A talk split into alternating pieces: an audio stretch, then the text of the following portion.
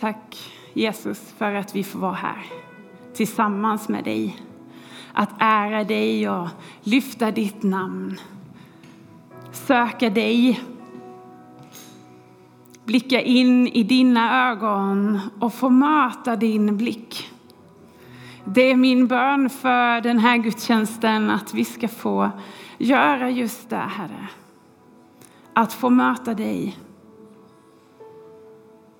Men också i ljuset av att vi får möta oss själva så får vi möta den kärlek du har till var och en, Herre Jesus. Så heligande, kom och led mig. Led de orden som du har gett mig idag. Och låt församlingen här, var och en, pröva dem. Om de stämmer överens med ditt ord.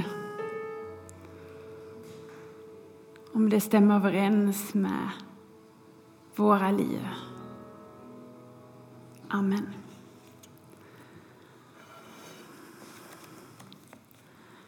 Vad gott att få vara här tillsammans.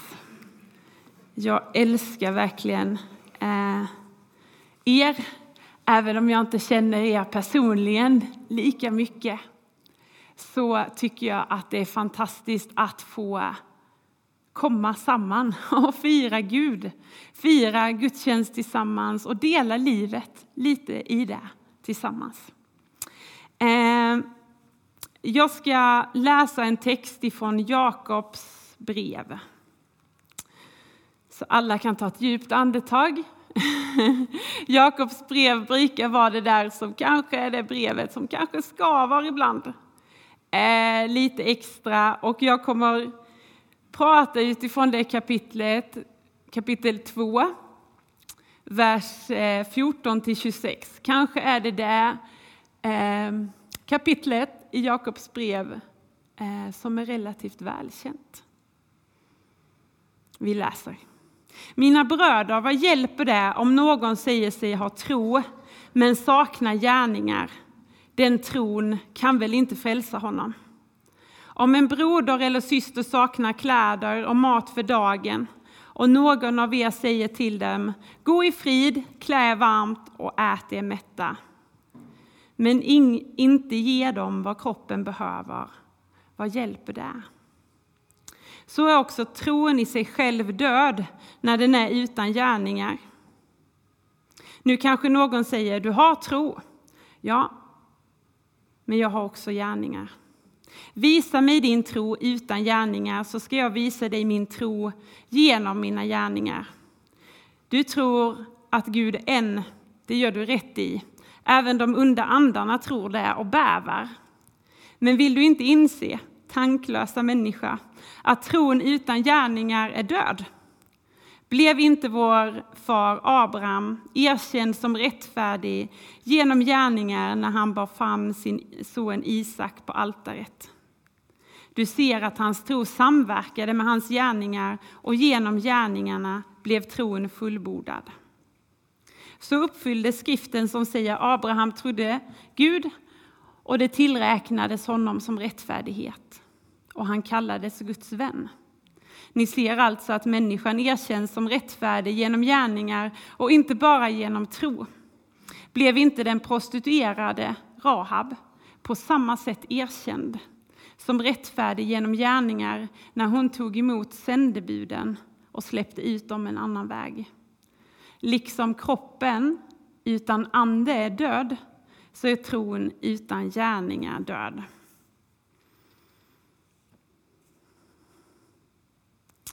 Här talar ju Jakob till, till församlingen eh, och de verkar inte riktigt leva upp till sin bekännelse. Han säger ju gå i frid, klä er varmt och ät er mätta. Men det verkar vara någonting där som han adresserar. Och jag vet inte om med dig, om du någonsin har tänkt, duger jag? Är jag tillräcklig? Förtjänar jag att bli älskad av Gud? Lever ens mina gärningar upp till så att jag kan kalla mig frälst? Jag vet inte om någon av er har ställt er de frågorna, men jag har gjort det. Dels i min relation med Gud, men också när man kommer till den där sidan i Bibeln där det här står. När de här texterna som bara, vänta lite, vad är det han säger egentligen? Hur ska vi tänka kring det här med tro och gärningar? Och jag vet att man skulle kunna hålla veckor av bibelstudier om just detta. Eh, och det ska jag inte göra nu och jag ska försöka göra detta kortfattat idag. Men jag vet att det jag säger idag faktiskt kan väcka funderingar och tankar om hur det är med oss själva. Hur står det till med mitt hjärta? Eh, så jag vill bara säga först och främst, det är inte farligt om sådana tankar kommer, om det är något som skaver. Eh, jag finns här idag, jag finns här under veckan, församlingsledningen finns här. Om det är så att det väcker tankar som man vill prata om, bolla om, be över så får ni mer än gärna komma med det. Och du som sitter hemma via webben och inte kan vara här, bor kanske inte ens i närheten utan långt ifrån. Eh, kontaktuppgifterna till mig finns på hemsidan. Eh, och du var mer än varmt välkommen att dela dina tankar efter den här predikan. Eh, om du har dem. Så varmt välkommen med det. Men när vi läser Jakobs brev så måste vi också veta vem skriver han till och vem är den där Jakob? Jakob är Jesu halvbror. Han blev frälst efter att Jesus hade uppstått.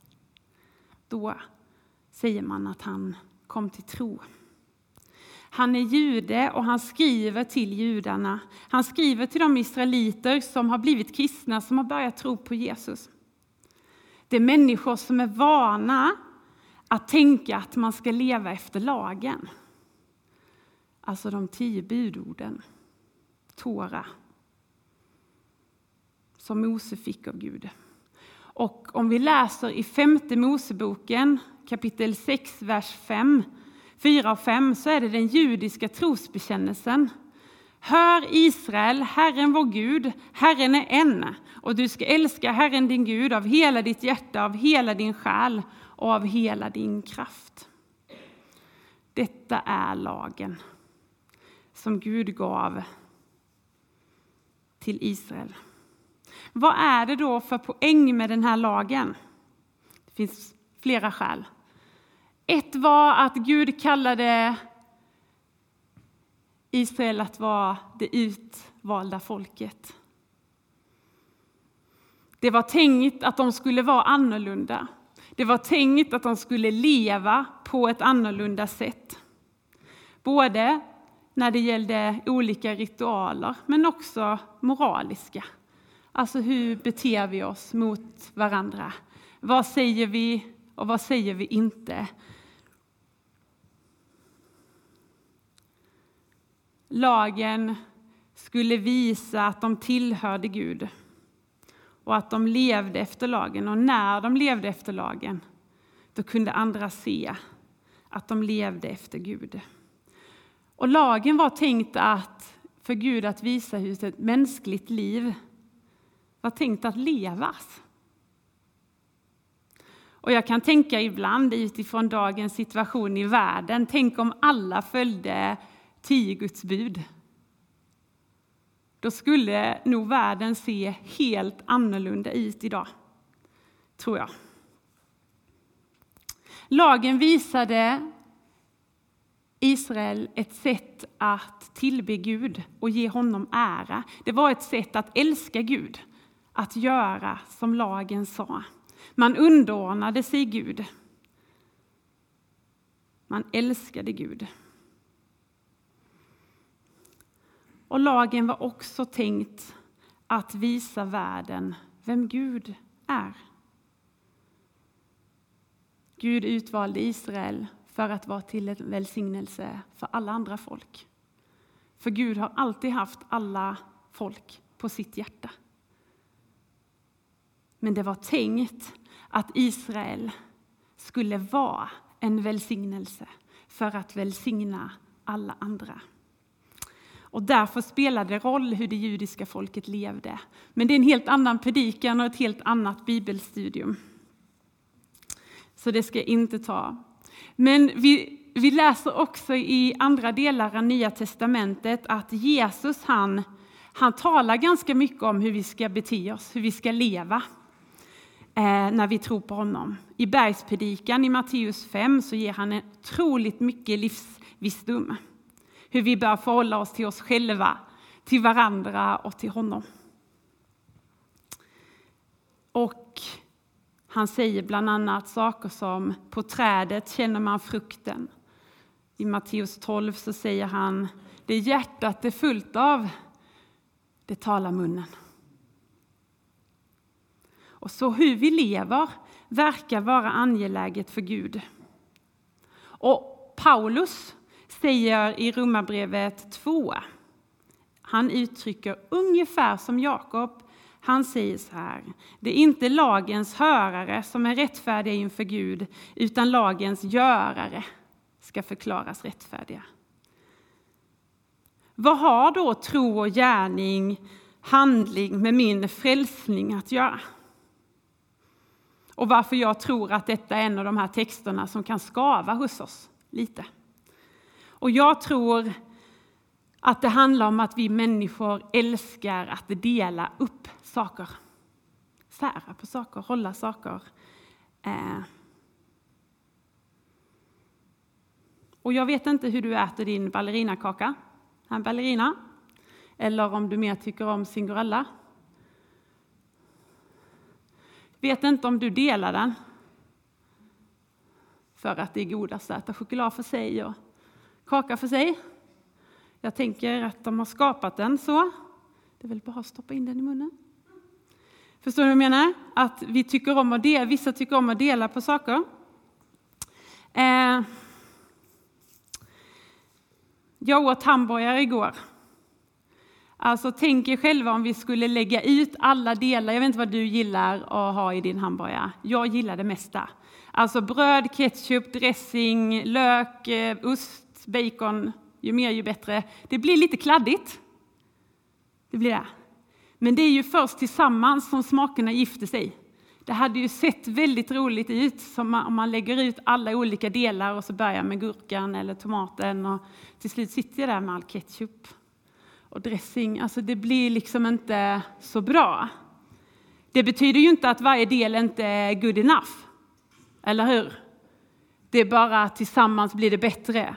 Eh, eller som barnledare eh, och jobbar med barn så kan jag ju se det som den ultimata liksom, så här, blåa leran för sig, rosa leran för sig. Viktigt barn. Här har ni den rosa leran, här har ni den blå. Jag vet inte om ni föräldrar håller med mig. Men det kan ju vara liksom, har man köpt lera i olika färger så tycker man att det ska vara i olika färger, i alla fall om man är med. Men det finns något med barn alltså. De verkar veta någonting. Att det är liksom mixen som är bäst. Den där blandningen när man inte riktigt kan urskilja vad som är vad. Liksom. När de har liksom fått ta alla de här och så bara grysat ihop. Och så är det blandat helt plötsligt.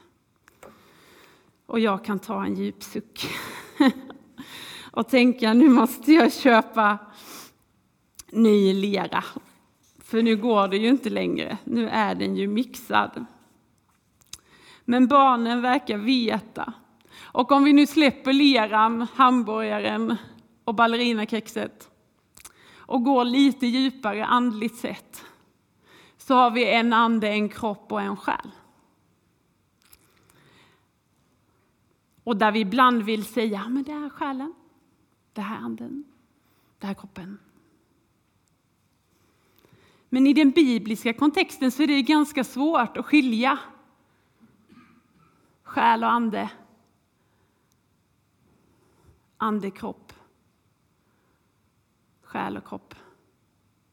Det kan vara ganska svårt i den bibliska kontexten. För hjärtat används i Bibeln som en bild både för kroppen för anden och själen. Och med hjärtat så kan vi känna det fysiskt ibland, när det trycker på. Det kan vara en positiv känsla, men det kan också vara en negativ känsla. När det är för stressat och det bultar så där hårt. Men vi vet också att hjärtat är bilden av känslolivet. Och vi vet att om inte själen mår bra och vi inte dealar med det, så till slut så kommer det sätta sig i kroppen. Något som sjukvården säger psykosomatiskt. Alltså verken sitter egentligen inte i kroppen. Det sitter i tankeverksamheten. Men genom att inte dela med det, så till slut så sätter det sig i kroppen. Det sätter sig fysiskt i kroppen. För vi sitter ihop. Och vårt mående tar vägen någonstans. Vårt mående, oavsett om det är bra eller dåligt, det vill ha ett utlopp. Det sätter sig någonstans. Vi är ett. Eh, avslutningsvis i det här kapitlet jag läste, i kapitel 2, så säger Jakob så här. Liksom kroppen utan ande är död, så är tron utan gärningar död. Att kroppen utan ande är död, jag andas inte kroppen, så är den död. På samma sätt säger Jakob att det är med vår tro utan handling. Att utan utlopp så dör vår tro. Utan att vi agerar på vår tro så kommer inte tron att överleva. Samma som andningen. Ta ett djupt andetag. Är beroende av kroppen. Det är svårt att andas om man inte skulle ha den där kroppen. Det är svårt att ha tro utan gärningar men det är också svårt att ha gärningar utan tro. I vers 22 så verkar Abraham vara ett exempel för Jakob. Att det samverkar, att hans tro och gärningar samverkar. Att de samverkar med... Jag ska bara se var jag var någonstans.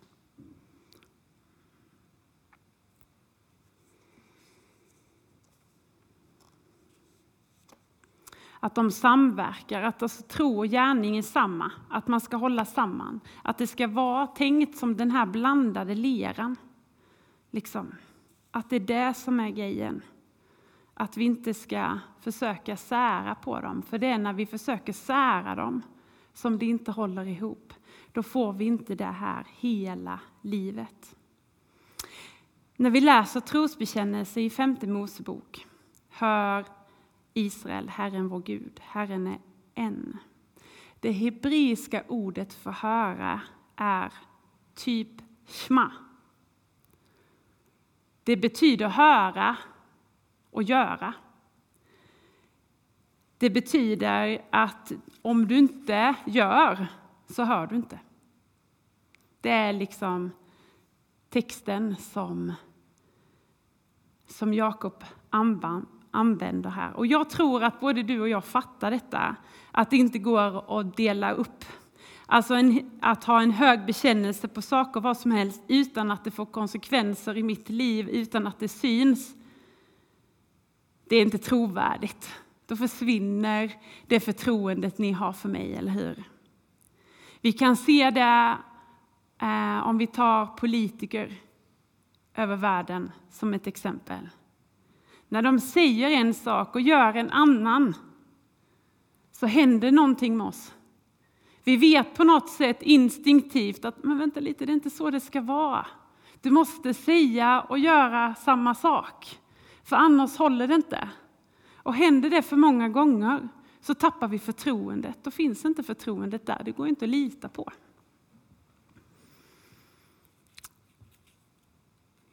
Vi behöver hålla ihop. Det vi säger, din och min bekännelse, behöver vara samma som vi gör, vad vi lever ut. Jakob säger, visa din tro utan gärningar, så ska jag visa min tro genom mina gärningar. Det är som att det måste få hänga ihop, att det är samma mynt. Det finns ingen framsida på myntet om det inte finns en baksida. Det finns inte baksida om det inte finns en framsida. Det hänger ihop. För det handlar om ett helt hjärta. Det handlar om hela ditt liv och hela mitt liv. Ett helhjärtat liv som håller ihop. Hur kommer vi då dit utan att hamna i den där krampaktiga prestationen? Att bli lagiska, att bara göra massa saker för att göra dem. Och ibland så tror jag att vi kanske tycker att det här är lite obehagligt, att vi inte riktigt vill prata om gärningar. För vi vill inte att det ska hamna i prestationsläget. Att det blir gärningar utan tro, alltså gärningar utan kärlek till Gud. Vi vill ju aldrig hamna där. Och i slutet av kapitel 1 i Jakobs brev så ska vi läsa tre verser som det står så här. Var ordets görare, inte bara dess hörare, annars bedrar ni er själva. Om någon är ordets hörare men inte dess görare liknar han en man som ser sitt ansikte i en spegel. När han har sett sig själv och gått sin väg så glömmer han genast hur han såg ut. Den som däremot blickar in i frihetens fullkomliga lag och blir kvar i den inte som en glömsk hörare, utan som en verklig görare. Han blir salig i det han gör. Ordet här var ordets görare. Det är ordet som är implanterat. Det är Jesus som Jakob pratar här. Ordet logos på grekiska.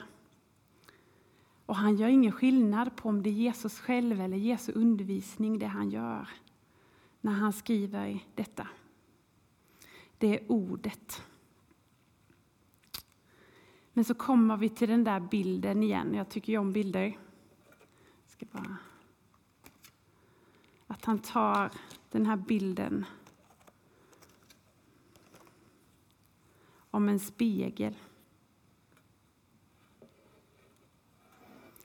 Att en man kollar i spegeln. Och på, på den tiden så tog man det blankaste man hade och försökte putsa upp. Och så försökte man liksom kolla. Det var dåtiden, Bibelns speglar. Man tog en mässingsplatta liksom, eller något och så försökte man liksom se sig själv. Men det är som en man som tittar in i den här spegeln men glömmer bort genast vad han har sett när han har gått därifrån.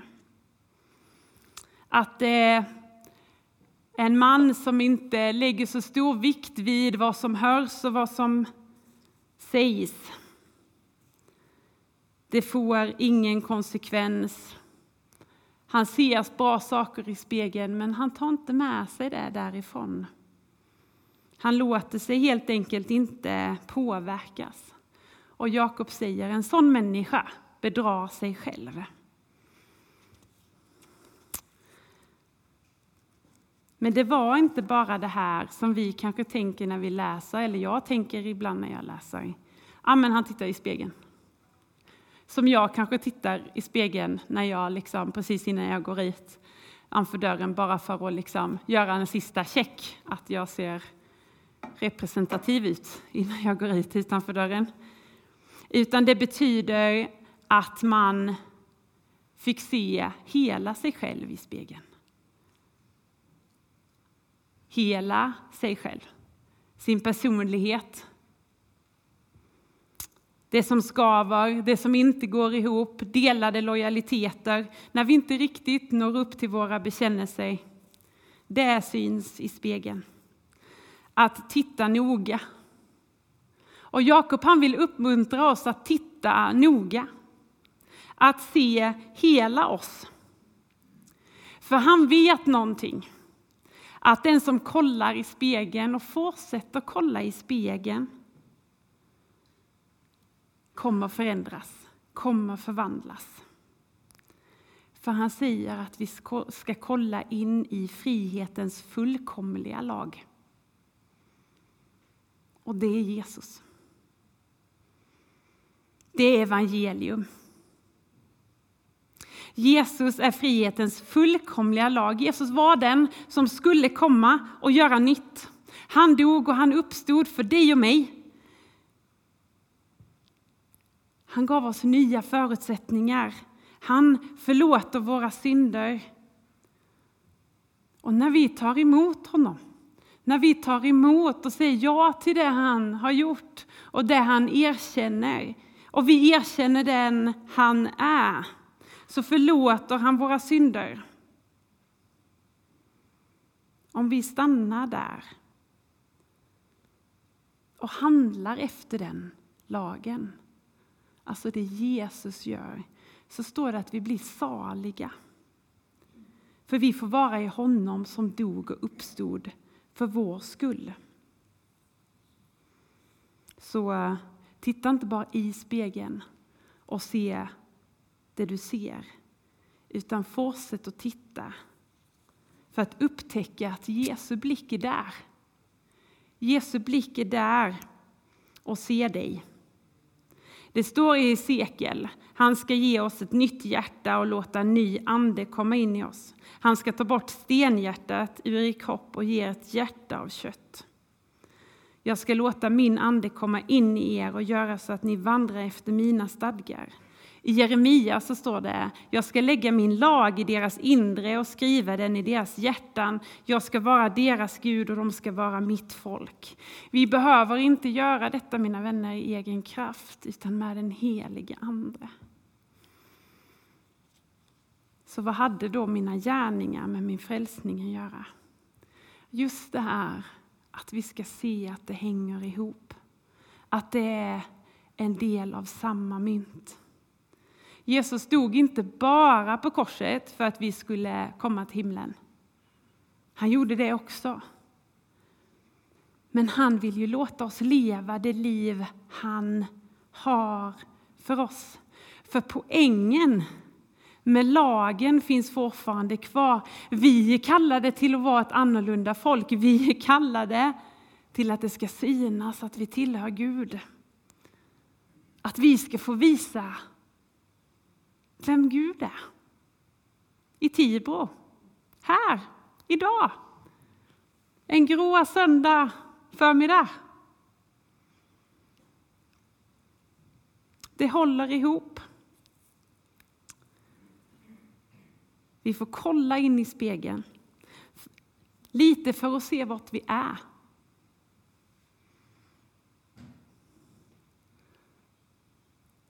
Och sen låta Gud visa oss hur han ser på oss. Vad han vill hjälpa dig med idag, där du kanske känner att det där nådde jag inte upp till. Det där blev kanske inte som jag hade önskat. Han har tagit vår synd, vår död och all ondska på sig för att vi ska leva i frihet. För att vi ska leva fria. Där den helige Ande ges som en gåva där jag får förvandlas genom att jag låter inte bara den här spegeln se det jag behöver rätta till. Utan låter mig förvandlas med att stå kvar i spegeln och ta emot det Gud säger om dig. Den han säger att du är.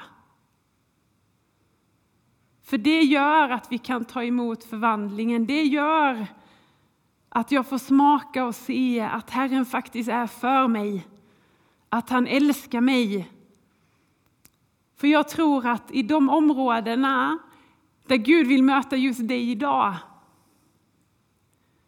kanske också är inte bara för dig utan för att du ska fortsätta vara till välsignelse. Både för dig enskilt, där du går fram, men också för att vi sitter här tillsammans som församling. Vi som är här idag, du som är hemma och inte delar just den här gemenskapen. Men vi är en församling. Och tillsammans så kan vi visa på Gud. För om ni tittar på varandra lite, Det här är min avslutning. Om ni bara tittar lite på varandra. Ni får vända er om lite så här. Se vem som sitter bakom och framför och sådär. lite obekvämt. Men med det vill jag säga att vi är olika. Vi har valt olika kläder. Vi jobbar på olika jobb. Vi representerar olika. Men ditt sätt, så som Gud har mött dig, är viktigt. Det Gud har fått förvandla i ditt liv är viktigt. För oss. För mig. Så om du känner här, nej men jag har bara tillkortakommande, då tycker jag att du ska fortsätta titta i spegeln, för det är inte det Gud säger om dig. Sen kan vi få växa och släppa saker som han tycker att det är onödigt att vi släpar på. Och det vill han visa oss så att vi kan bli fria. För när vi har blivit fria på ett område, då kan vi också visa andra som kan få bli fria på det området. För då kan du säga, men du, jag kämpade med det här, men Jesus mötte mig. Och så blir det ett hopp för en annan att kliva in. Kunde han göra det med henne eller honom, så kan han göra det med mig. Och så vågar man hoppas igen. För att något har varit förvandlats, för att ni har haft tålamodet att fortsätta kolla i spegeln. Även när man inte får ihop det. Så försök inte sära på tro och handling, för det handlar inte om vem som gör mest eller minst, eller den gör bättre saker. Eller så. Nej, det är inte där vår blick ska vara. Det är inte det Jakob menar. Han menar att det håller ihop. Vi ber. Amen. Jesus, jag tackar dig för att vi får ha vår tro och att vi får gestalta den genom att visa att du är vår Gud, att du har kallat oss till ett folk som, som faktiskt har dig som sin högsta Gud, som har dig Jesus som sin kung och att det faktiskt märks. På vilka sätt vet bara du Gud, för du har skapat oss unika att komma till vår värld, till vårt Tibro, men just det som du har lagt ner i var och en, Gud. Tack för att vi får fortsätta måla den Gud du är för oss personligen, Herre. För de människor vi möter här i Tibro och runt om i världen, Herre. Kom heligande. För den som tycker att det här skaver, för att man har en högre bekännelse än vad man får till och praktisera Gud, så ber jag att du visar vad du ser. Att du hjälper oss att i så fall göra upp med det, Gud. Så att vårt ord får stämma överens med våra handlingar. Så att vi kan säga samma saker som vi gör. Så vårt förtroende och tillit visar på att vi litar på dig, Jesus. Kom, Herre, och gör ditt verk. I Jesu namn. Amen.